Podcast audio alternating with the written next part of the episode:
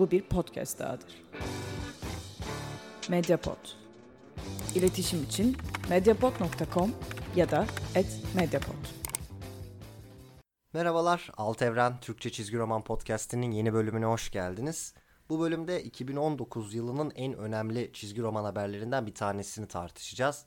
Biliyorsunuz 2019 yılı itibariyle DC Comics Vertigo etiketini kullanmayı bırakacağını açıkladı. Vertigo çok önemli bir marka çizgi roman dünyası içinde. Özellikle 1990'lı yıllarda 2000'li yılların başında çok önemli, çok prestijli serileri e, çizgi roman okurlarına kazandırmış bir yayın evi. Ve 2020 itibariyle DC Comics bu etiketi kullanmayı bırakacağını açıkladı. Artık hiçbir çizgi roman Vertigo etiketini taşımayacak, Vertigo etiketiyle yayınlamayacak. Önce bu haberin doğasından biraz bahsedelim. Tam olarak nedir alınan karar? Neden böyle bir karar alındı? Sonra biraz Vertigo'nun tarihine göz atalım. Ne gibi eserler bize kazandırdı? Nasıl ortaya çıktı? Neden böyle bir etiket vardı? İşin en başına bir geri dönelim. En son olarak da bu karar böyle bir anda lang diye kafamıza düşen bir karar mı yoksa bir süredir gelen bir karar mı? Biraz bunu tartışalım istiyorum. Önce haberin niteliğiyle başlayalım. Haber aslında teknik olarak Vertigo ile alakalı bir karar değil. DC Comics'in çeşitli yayın etiketleri, alt yayın evleri bulunuyordu. Bunlar içinde Vertigo bir örnek, DC Zoom vardı, DC Ink vardı. DC artık bu kafa karışıklığına son vermeye karar verdi ve bütün bu alt yayın evlerini, etiketleri ortadan kaldırıp 3 kademeli yeni bir sistem oluşturdu. Bu sisteme göre DC Comics'in 2020 yılından itibaren yayınlayacağı tüm çizgi romanlarda şu üç etiketten bir tanesi kullanılacak. Daha çocuklar için gençlere yönelik yayınlarda DC Kids etiketi kullanılacak. DC Comics'in ana akım eserleri süper kahraman türünün çoğu örneği için DC etiketi kullanılacak herhangi bir ek açıklama gelmeden. Yetişkinlere yönelik eserlerde de DC Black Label etiketi kullanılacak. Bu bir anlamda Vertigo'nun yerini alacak etiket. Aslında bir süre önce duyurulmuştu bu etiketin varlığı ki tabii günümüzdeki haberin ışığında bunu da Vertigo'nun iptali süreci içinde yorumlamak mümkün. Muhtemelen bir süre önce ısındırma amacıyla okurları bu fikre Vertigo'nun yerini alması amacıyla Black Label'ı duyurdular ve Black Label'ın duyurulmasından kısa bir süre sonra da Vertigo tamamen gündemden kaldırıldı. Peki Neydi bu Vertigo Comics? Neden böyle bir çizgi roman etiketi ortaya çıktı? Biraz Vertigo'nun tarihinden bahsedelim.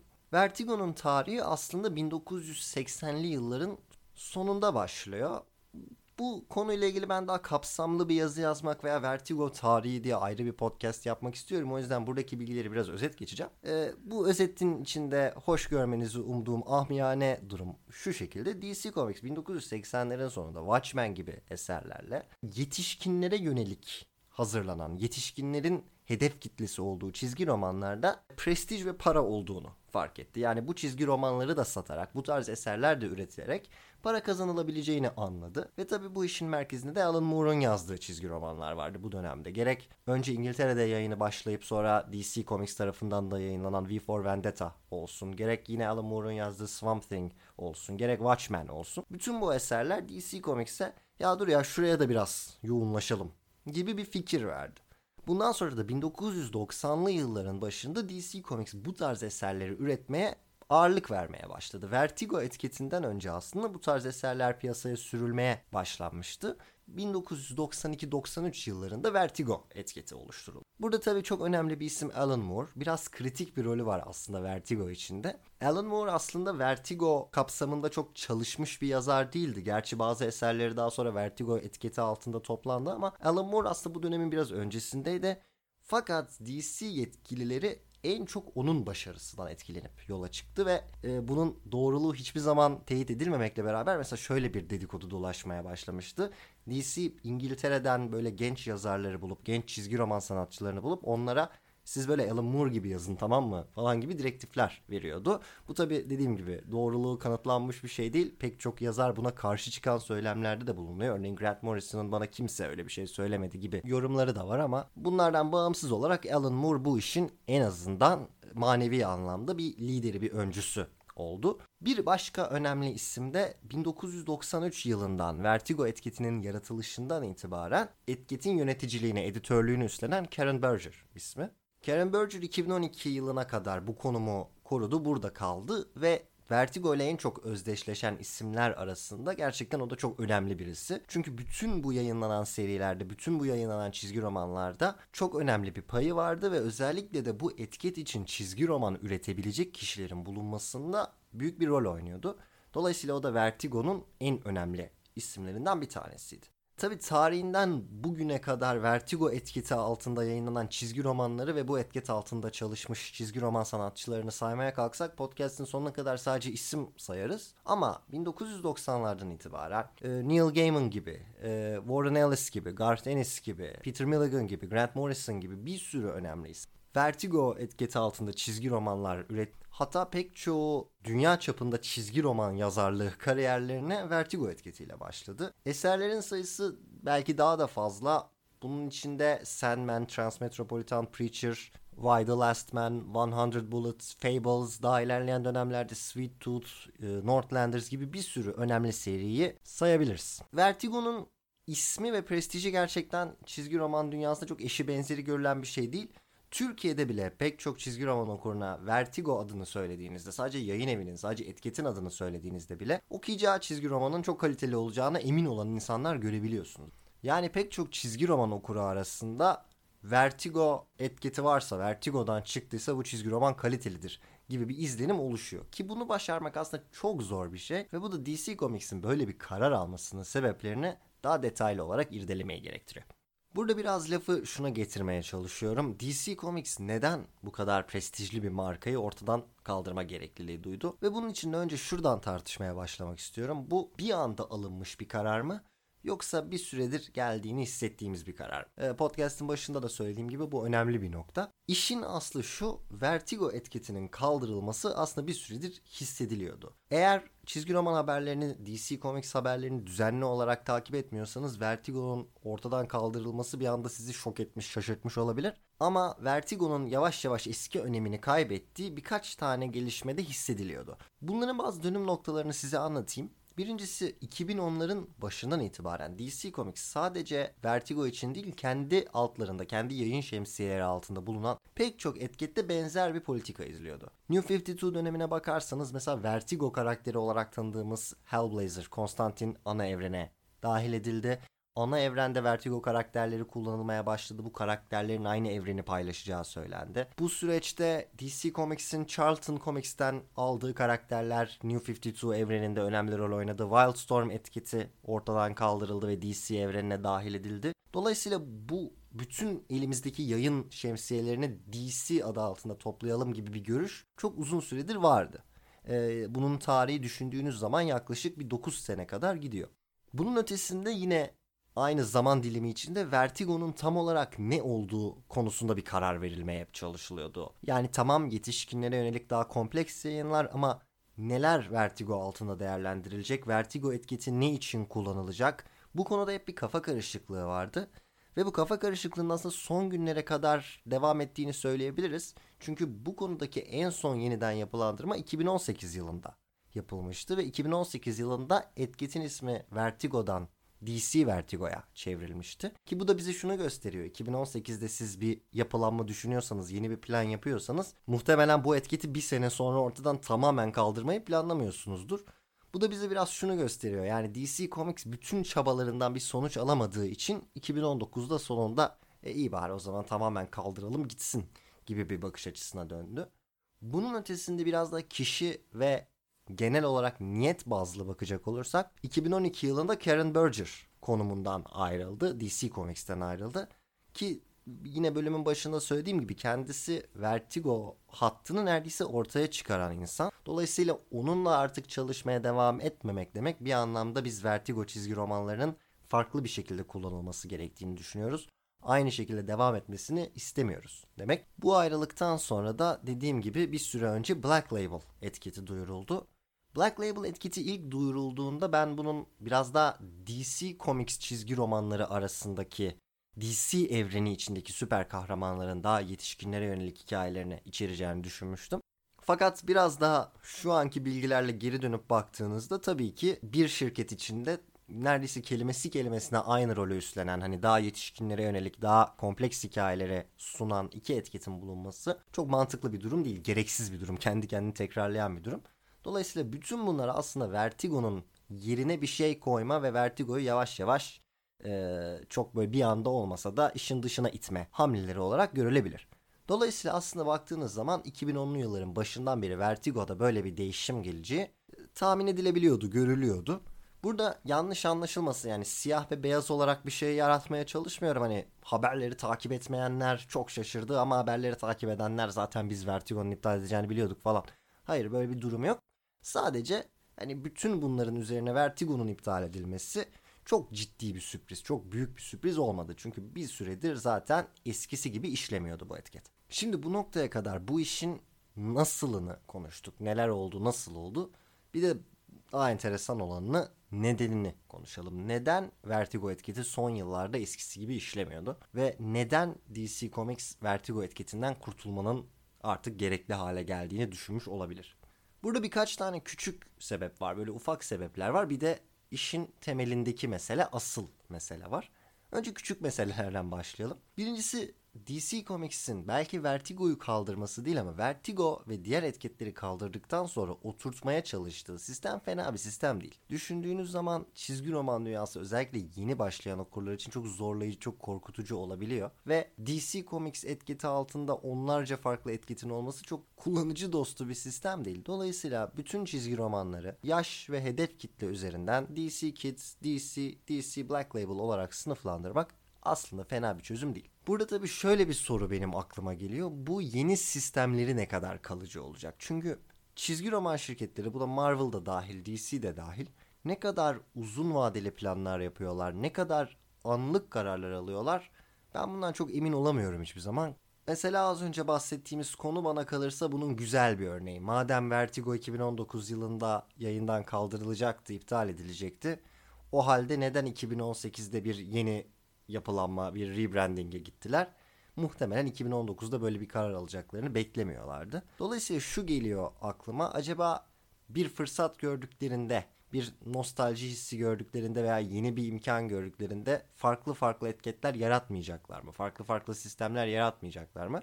Ki bir bakış açısına göre aslında şu anda bile bütün etiketlerinden kurtulmadıklarını söyleyebiliriz. Çünkü e, Young Animal vesaire gibi alt etiketlere DC'nin altında yer alan etiketleri devam ediyorlar. Bu da kafa karıştırıcı bir durum olabilir.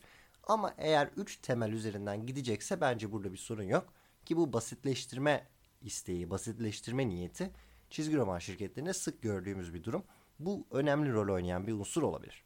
Yine küçük meselelerden bir tanesi Vertigo etiketinin çok enteresan bir şekilde DC Comics ile yarattığı bir algı çatışmasıydı. Şimdi az önce dedim ya Vertigo çizgi romanlarının çizgi roman okurları arasında çok prestijli bir konumu vardır diye. Burada beklenmedik bir sonuç ve ironik bir durum olarak Vertigo markasının DC markasından daha prestijli olması veya en azından şöyle söyleyelim Vertigo markasının aslında getirmesi gereken prestiji DC'yi getirmemesi gibi enteresan bir durum ortaya çıkmaya başladı. Ne demeye çalışıyorum? Ee, özellikle süper kahraman çizgi romanlarına çok meraklı olmayan okurlar ama bazen onlar bile Vertigo çizgi romanı gördüklerinde ha ne kadar entelektüel ne kadar derin bir iş okuyacağız kesin derken DC çizgi romanlarına ha yine süper kahramanlar falan filan gibi enteresan bir bakış açısıyla yaklaşmaya başladı. Yani DC Comics yayın evi olarak Vertigo kapsamında değerlendirilen bir sürü prestijli entelektüel yetişkinlere yönelik çizgi romanı yayınlıyordu. Ama bu marka değerini bir türlü Vertigo etiketinden DC'ye aktaramıyordu. Bunu birkaç tane enteresan örnekle açıklamak istiyorum. Şimdi bu iptal haberinden sonra birkaç tane internet sitesini, birkaç tane forumu okudum. Mesela şöyle yorumlar geliyor. Diyorlar ki demek ki DC Comics işte basit işlere devam edip artık yetişkinlere yönelik işleri bırakacak. Veya aman yine hep aynı şey işte demek ki süper kahramanlar title'la savaşan ışın saçan adamlar gerçekten önemli çizgi roman eserlerinden daha değerli. Şimdi burada kendinizi DC Comics yetkililerinin yerine koyduğunuzda biraz daha anlayabiliyorsunuz durumu. Düşünsenize yani Sandman'i yayınlıyorsunuz, Preacher'ı yayınlıyorsunuz, Transmetropolitan'ı yayınlıyorsunuz vesaire ve bunlar size prestij getirtmektense okuyucular gözünde şöyle bir algı yaratıyor. Aman DC dandik de neyse Allah'tan Vertigo var. Oysa baktığınız zaman biliyorsunuz Superman'i, Flash'ı, Green Lantern'ı vesaire o beğenilmeyen çizgi romanları yayınlayan DC ile Sandman'i, Preacher'ı yayınlayan Vertigo arasında kurumsal anlamda çok bir fark yok. İkisi aynı şirket tamamen. Dolayısıyla tabii bu da DC için negatif bir durum teşkil ediyordu. Bir tane daha örnek vermek istiyorum. Yıllar önce Türkçe bir sitede e, çizgi roman sitesi değil ama çizgi romanla ilgili de içerikler üreten bir sitede bir Watchmen incelemesi e, okudum. Evlere şenlik bir inceleme. Yaklaşık 250-300 kelimede genç bir arkadaşımız Watchmen'i incelemiş. E, tam %100 olarak cümleyi hatırlamıyorum ama aşağı yukarı şöyle başlıyor yazı. İşte bugün size Vertigo'nun en baba eserlerinden biri olan Watchmen'i inceleyeceğim vesaire gibi bir şey.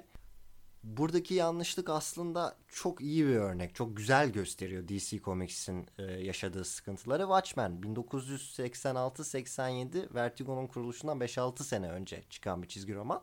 Ve Alan Moore'un bazı diğer işlerinin aksine hiçbir zaman Vertigo etiketiyle de yayınlanmıyor. Yani orijinal olarak zaten DC Comics etiketiyle yayınlanıyor. Ondan sonra ciltlenip cilt olarak basıldığında yine DC Comics etiketiyle yayınlanıyor. Yani hiçbir zaman Vertigo çizgi romanı olmamış bir eser. Ama bu incelemeyi yazan kişinin bakış açısı aslında çok şey özetliyor. Neden hiç alakası yokken Watchmen'i bir Vertigo çizgi romanı dersin? Çünkü yakışmıyor. Öyle bir algı yaratılıyor ki Watchmen kesinlikle entelektüel bir eser. E, çok ciddi anlamda değerlendirilmiş, incelenmiş bir eser. E, koskoca Watchmen'in de bir DC çizgi roman olacak hali yok ya. Tabii Vertigo çizgi roman olacak. Oysa durum bu değil. Bir DC Comics çizgi romanı ve e, tabii söylediğim gibi bütün Vertigo çizgi romanları da aslında DC Comics çizgi romanları. DC Comics bu durumu dediğim gibi 2018'deki yeniden yapılandırmayla biraz çözmeye çalışmıştı. DC Vertigo olarak etiketliyordu çizgi romanları. Ama bu son gelişmeyle birlikte artık her şey DC olacak. Yani Sandman de DC Black Label olarak yayınlanacak. Bundan sonra yetişkinlere yönelik hazırlanan diğer DC serileri de. Şimdi tabii şunu söyleyeyim bu zaten başından beri söylediğim gibi küçük sebepler altında bunu değerlendiriyoruz. Ama ben kişisel olarak anlayabiliyorum. Yani DC Comics yetkilileri yerinde olsam ben de muhtemelen benzer bir şey isterdim. Çünkü kendi marka değerini yükseltebilecek çizgi romanlar varken asıl ana markayı yükseltebilecek eserler varken bunları farklı bir marka altında değerlendirip bir de ikisi arasında bir karşıtlık yaşamak çok hoş olmaz. Dediğim gibi bu da arka plandaki küçük sebeplerden bir tanesi. Peki asıl sebep ne? Şimdi burada biraz iddialı bir cümleyle giriş yapacağım ama asıl sebep şuydu. Çok da bariz bir sebep aslında. Vertigo çizgi romanları son yıllarda eski prestijlerini kaybetmişti ve etiket eskisi gibi işlemiyordu. Şimdi burada tabii bahsettiğim yeni eserler yaratmak, eski eserlerin prestijini kaybetmesi gibi bir durum yok. Ama düşündüğünüz zaman Vertigo son yıllarda çok da kayda değer çizgi romanlar üretmiyordu. Bunu şöyle bir ufak testle e, görebilirsiniz. Ben şuna eminim. Eğer bu podcast'i dinleyen herkesle oturup böyle birebir e, sohbet etme imkanımız olsa ve ben size desem ki abi bana e, işte 5 tane Vertigo eseri say. Bu podcast'i dinleyen insanların çok büyük bir bölümünün rahatlıkla bana 5 tane Vertigo çizgi romanı sayabileceğine eminim. Hani gözünü bile kırpmadan çoğunuzun lank diye sayabileceğini düşünüyorum. Ama soruyu şöyle değiştirirsek son 5 yılda 2014'ten beri yayınlanan 5 tane Vertigo eseri söyle o zaman iş o kadar kolay değil. O zaman akla daha az isim geliyor. Çünkü Vertigo çizgi romanları eskiden olduğu kadar ses getirmiyor ve piyasada eskiden olduğu kadar e, önem taşımıyor. Bu bir gerçek. Şimdi burada biraz daha kompleks bir yaklaşımla bakarak şunu sormamız gerekiyor. Vertigo çizgi romanların fonksiyonu neydi? Neden Vertigo bu kadar başarılı oldu? Ve çizgi roman dünyasına yaptığı asıl katkı neydi? Vertigo'nun elde ettiği prestijin olumsuz sonuçlarından bir tanesi çizgi roman dünyası içinde şu. Çizgi roman okurları bazen Vertigo'nun bu başarılı çizgi romanlarını, bu entelektüel boyutu olan çizgi romanlarını bu şekilde üretilmiş tek çizgi romanlar olarak görüyor. Yani bir grup okuyucu için abi benim için çizgi roman Vertigo'dur deyip defter kapanıyor yani belki Marvel Comics ile DC Comics ile çizgi roman okumaya başlıyorlar. Daha sonra Vertigo'yu keşfediyorlar. Tabii daha çok hitap ediyor ve Vertigo'da iş bitiyor. Daha ileriye gitmiyorlar. Oysa Vertigo'nun konumu, çizgi roman dünyası içindeki yeri entelektüel çizgi roman diye bir şey yaratmış olmak değil. Yetişkinlere yönelik çizgi roman daha kompleks çizgi roman diye bir şey yaratmış olmak değil. Vertigo'nun temel konumu ana akımla bağımsız çizgi romanlar, yeraltı çizgi romanları, Avrupa çizgi romanları arasında bir köprü kurmuş olmaktan kaynaklanıyor. Bunu birkaç şekilde kanıtlayabiliriz. Birincisi Vertigo'da çalışan çizgi roman yazarlarına bakın. E, Vertigo'nun biraz öncesine gidip Alan Moore'a da bakabilirsiniz ama bütün bu saydığım isimler, podcast'ın başında saydığım isimler hepsi zaten Vertigo'dan önce çizgi roman yazıyordu. Hepsi zaten kaliteli işler yapıyordu Vertigo'ya geldikten sonra daha dünya çapında tanınır isimler oldular. Çünkü Vertigo sayesinde, daha doğrusu DC Comics'in dağıtım gücü sayesinde eserlerini çok daha geniş kitlelere ulaştırma fırsatı buldular. Peki tamam süper ee, köprüyse köprü öyleyse öyle bize ne bundan? Şu çok önemli özellikle 2010'lu yıllardan itibaren Vertigo'nun üstlendiği bu köprü görevini, bu alternatif yayın görevini, geniş kitlelere farklı çizgi romanlar sunma görevini farklı çizgi roman şirketleri daha iyi üstlenmeye başlamış durumda. E, hemen akla gelen örnek Image Comics ama bunun içine Dark Horse'u da dahil edebilirsiniz. Bunun içine Boom'u da dahil edebilirsiniz. Avatar'ı da dahil edebilirsiniz. IDW'yu da dahil edebilirsiniz. Vesaire vesaire. Bütün bu yayıncılar 2000'li ve 2010'lu yıllarda doğrudan çizgi roman dükkanlarına ulaşan, doğrudan okurların eline gidebilecek çizgi romanlar basıp Burada yaratıcılara çok daha fazla esneklik, çok daha fazla hak tanıyıp Vertigo'ya göre daha cezbedici teklifler yapıp e, bu rolü Vertigo'dan aslında daha iyi üstlenmeye başladı. Şimdi tekrar bunu size kanıtlamak istiyorum. Yine örnekler vererek kanıtlamak istiyorum. DC Comics'te çalışan, DC Comics'te çalışmış bazı yazar ve çizerlerin kendi eserlerini, bağımsız eserlerini nasıl yayınlamaya seçtiklerine bakalım. Mesela Scott Snyder'a bakabiliriz. Scott Snyder'ın hangi eseri var mesela DC evreni dışında? American Vampire. American Vampire nereden yayınlanıyor? Vertigo'dan yayınlanıyor. Ama daha sonra bir bağımsız eser yaptığında Mesela Jeff Lemire'la After Death'ı yaptığında veya Witches'ı yaptığında bunları nereden çıkarıyor? Artık Vertigo'dan değil Image Comics'ten. Burada belki de asıl çarpıcı olan şu mesela bu adam DC Comics'ten ayrılıp DC Comics ile kavga edip ben bir daha sizin hiçbir şeyinizde çalışmam deyip Image'a gitmiyor. Bu adam hala DC Comics'te çalışıyor. İşte Batman yazıyor, Justice League yazıyor, farklı eventler, hikayeler yazıyor. Ama iş bağımsız bir eser, kendine ait bir eser yayınlamaya geldiğinde Vertigo'yu değil Image'ı tercih ediyor. Jeff Lemire dedim. Jeff Lemire da iyi bir örnek. DC Comics'ten Vertigo'dan çıkarttığı eserler var daha önceki tarihlerde. The Nobody var, e, Sweet Tooth var vesaire. Bütün bunları Vertigo'dan çıkarıyor. Ama ilerleyen yıllarda örneğin The Descender'ı gidiyor Image Comics'ten çıkarıyor. E, Black Hammer ki en değerli, en önemli markalarından bir tanesi belki de son yılların. Bunu da Vertigo'dan değil gidip Dark Horse'tan çıkarıyor. Çünkü dediğim gibi burada daha fazla hak, daha fazla avantaj elde edebiliyor. Dolayısıyla yazarlar ve çizerler için artık Vertigo yerine gidilebilecek farklı adresler var. Yine bir başka örnek vereyim. Bu sefer bir Marvel yazarından örnek vereyim. Jason Aaron. Jason Aaron Marvel'da çalışıyor. Thor yazıyor yaklaşık bir 7-8 yıldır. Ama onun belki de en prestijli eserlerinden bir tanesi Sculpt. Sculpt bir Vertigo çizgi romanı. Fakat Sculpt'tan sonra daha ilerleyen tarihlerde yeni bir bağımsız çizgi roman, belki Sculpt'tan bile başarılı bir çizgi roman yazmaya geldiğinde Southern Bastards'ı gidip Vertigo'dan değil Image Comics'ten çıkıyor. Marvel'ın gerçek anlamda Vertigo'ya verdiği bir cevap, verebildiği bir cevap yoktur. Ama bir örnekte oradan olması açısından şunu da ekleyebiliriz. Mesela Mark Miller. Ee, Kick-Ass çok meşhur filmi yapılan milyonlarca dolar kazandıran bir marka olmasına rağmen Kick-Ass'i ilk önce Marvel'dan yayınlıyor.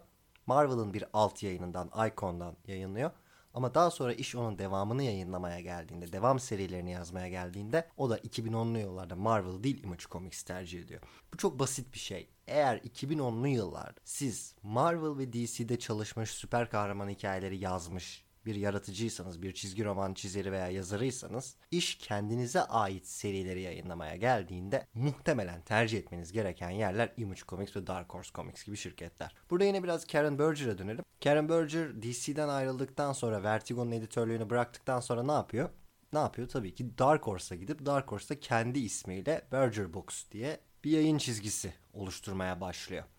Ee, özeti şu yani 1990'lı yılların başına gittiğinizde farklı bir eser üretebileceğiniz, değişik bir eser üretebileceğiniz çok fazla çizgi roman şirketi yok. Ha o dönemde Image Comics yok mu? Var ama Image Comics o dönemde henüz bu tarza yönelmiş bir şirket değil. Henüz daha ilk kuruluş evrelerini yaşayan farklı stüdyoların bir araya gelmesiyle oluşan ve büyük ölçüde değişik süper kahraman hikayeleri yayınlayan bir yayın evi. Ama 2010'lu yıllara geldiğinizde 2010'lu yıllardaki Image Comics yayın stratejisine, yayın anlayışına baktığınızda, diğer bütün bu yayın evlerine baktığınızda bütün bunlar kurumsal bir şirket olan DC Comics'in altında yaratıcı riskler almaya göre daha iyi bir fırsat sunuyor.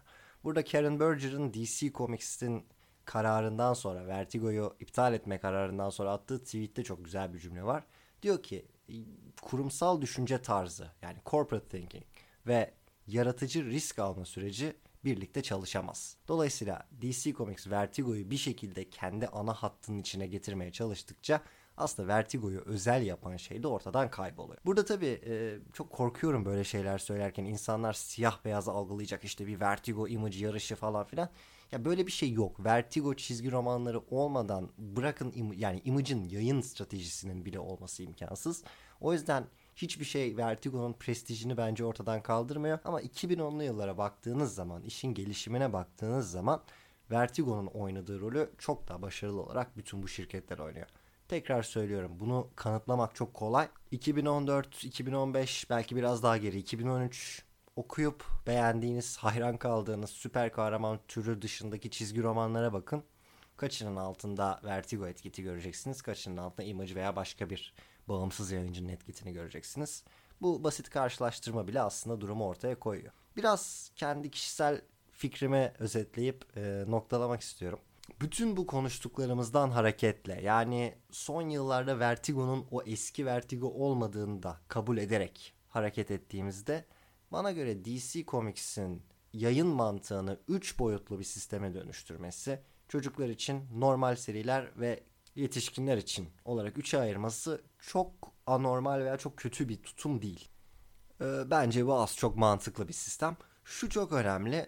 Dediğim gibi böyle kararlar her zaman kalıcı olmayabiliyor. Yani bir sene sonra iki sene sonra işte DC Black Label'ın altında 8 tane farklı etiket göreceksek anlamı yok ki olabilir. Ama bu üçlü yapıya sadık kalırlarsa bence mantıksız bir karar değil alınan. Ben olsam ne yapardım onu da söyleyeyim. Yani çok önemli değil tabii ama. Ee, ben böyle şeylerin prestijine ve önemine ve tarihi değerine inanan bir insanım. Ee, Sandman'in, Preacher'ın, Transmetropolitan'ın, Why the Last Man'in, işte 100 Bullets'ın, Fables'ın altına daha ilerleyen dönemlerden işte Sweet Tooth'un, Northlanders'ın, e, Unwritten'ın altına siz ne kadar DC Black Label yazsanız da pek çok okuyucunun zihninde onlar her zaman Vertigo çizgi romanı olarak kalacak. Ben dediğim gibi böyle şeye önem veren bir insanım. Dolayısıyla ben olsam şöyle bir karar alırdım muhtemelen. Bugüne kadar Vertigo etiketiyle çıkmış. Yani artık yayınlanmayan, artık sadece cilt olarak veya özel edisyonlar olarak sunulacak çizgi romanları Vertigo etiketiyle basmaya devam ederdim. Ama madem böyle üçlü bir sistemde var, Vertigo eserlerini bugüne kadar o şekilde yayınlanmış eserleri dışarıda tutup bundan sonra yetişkinlere yönelik bütün eserleri de DC Black Label olarak tanımlardım. Bence bu ideal bir çözüm olurdu. Yani Vertigo etiketini tamamen tarihe karıştırmanın çok bir anlamı var mıydı emin değilim. Ama yine de DC Comics'in aldığı bu kararı anlayabiliyorum. Özellikle de son yıllardaki gelişmeler ışığında artık çizgi roman sektörünün, çizgi roman piyasasının Vertigo'nun boşluğunda doldurabileceğine inanıyorum diğer yayın evleri sayesinde. Bütün bunlar tabi bu çizgi romanları okumuş insanlar üzerinde nostaljik bir hava yaratıyor. Bazen tepkiler çok e, sert oluyor veya insanlar arka plandaki gelişmeleri işin bütün boyutlarını düşünmeden tepkiler verebiliyor. Bu podcast'te ben burayı biraz toparlamaya çalıştım. Elimden geldiğince Vertigo'nun iptalini bir tarihsel süreç içinde değerlendirmeye çalıştım. Umarım bu podcast dinledikten sonra DC Comics'in bu kararı alma sebebi ve Vertigo'nun aslında eski önemini biraz yitirmiş olma sebebini sizlere biraz aktarabilmişimdir. E, bu konuda sitede çeşitli yazılar mevcut. altevren.net üzerinde e, inceleyebilirsiniz, arayıp bulabilirsiniz bu yazıları. Yarım saatlik uzun bir bölüm oldu. Umarım sizi çok sıkmamışımdır. Çok teşekkür ediyorum eğer bu noktaya kadar dinlediyseniz. Bir sonraki bölümde görüşmek üzere. Hoşçakalın. Medyapod'un podcastlerine Spotify, Google Podcast, iTunes ve Spreaker üzerinden ulaşabilirsiniz. Medyapod'u desteklemek için patreon.com slash medyapod.